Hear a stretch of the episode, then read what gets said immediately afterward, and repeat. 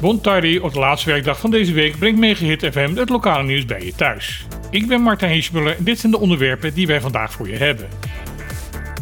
Afgelopen tijd is een hele reeks programma's en projecten opgestart in het kader van het zogenaamde Milieubeleidsplan 2020-2030 voor Caribisch Nederland.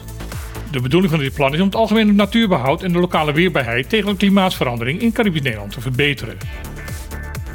De NMBP is ontwikkeld door de ministeries van Landbouw, Natuur en Voedselkwaliteit, Infrastructuur en Waterstaat en Binnenlandse Zaken en Koninkrijksrelaties. Dit is gebeurd in nauwe samenwerking met het Openbaar Lichaam van Bonaire, Saba en Sint-Eustatius en lokale organisaties. Op de drie BES-eilanden zijn de stuurgroepen ingesteld om de uitvoering van de plannen te coördineren. Elke stuurgroep wordt voorgezeten door de gezaghebber van de betreffende eilanden. Op deze manier hopen we de natuur op de eilanden beter toekomstig bestendig te maken. De Dutch Caribbean Nature Alliance, de koepel waarin alle natuurorganisaties in het Caribisch gedeelte van het Koninkrijk met elkaar samenwerken, zegt voluit achter de plannen te staan.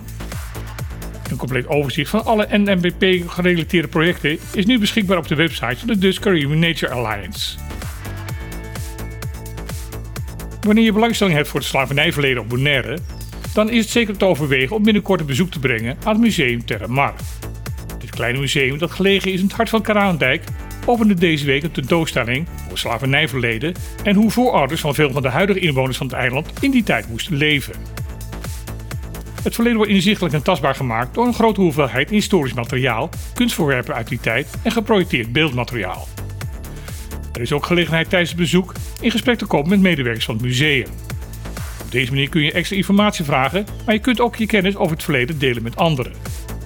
Het museum is elke ochtend, behalve zondag, geopend vanaf 9 uur. Tijdens de COVID-crisis heeft de Nederlandse regering een miljoenenlening gegeven aan de luchtvaartmaatschappij Winair uit Sint Maarten. Dat kwam het toenmalig kabinet Rutte 3 op veel kritiek te staan uit de Tweede Kamer, maar volgens meerdere bewindslieden was deze lening onvermijdelijk. Ten eerste omdat de Nederlandse staat een belangrijke aandeelhouder van het bedrijf is en daarom niet zo aan de kant kon blijven staan. Maar ook omdat deze maatschappij een onmisbare schakel is voor de connectiviteit van de eilanden Saba en Sint-Eustatius. Vanwege het in de COVID-crisis wegvallen van veel klandizie voor Winair stond de maatschappij op dat moment om omvallen en dat mocht niet gebeuren. Want wanneer de toestellen van Winair niet meer zouden vliegen, werden de kleinste eilanden van de Nederlandse Cariben vrijwel volledig geïsoleerd. Veel pessimisten voorspelden dat dit geld nooit meer zou worden terugbetaald door Winair en dat dit een gegarandeerde verliespost zou zijn. Het ziet er nou uit dat deze zwartkijkers ongelijk gaan krijgen. De jaarcijfers over 2022 laten zien dat Winair wat betreft de financiële prestaties enorm is vooruitgegaan. Daardoor liggen ook de terugbetalingen aan de Nederlandse staat volledig op koers. De maatschappij verwacht de leningen aan het eind van dit jaar volledig te kunnen hebben terugbetaald. Er is nog geen eind gekomen aan de leegloop van politiek Den Haag. Nadat er zoveel andere politieke kopstukken hun vertrek uit de landelijke politiek hebben aangekondigd, was nu de beurt aan de huidige politiek leider van de PvdA, Adje Kuiken. Haar vertrek wordt algemeen gezien als een groot verlies voor het Caribisch deel van Koninkrijk. Sinds haar aantreden in de Tweede Kamerfractie in 2006 was zij woordvoerder voor haar partij voor alle zaken betreffende de Caribische eilanden. Later werd ze ook lid van de Vaste Kamercommissie voor Koninkrijksrelaties. In die functie was Kuiken een fanatiek voorvechter voor het oplossen van de ongelijkheid tussen de twee delen van Nederland. Toen ze vorig jaar fractievoorzitter werd voor haar partij, moest ze noodgedwongen een stap terugnemen, maar ze bleef sterk betrokken bij de problematiek rondom de Besseilanden.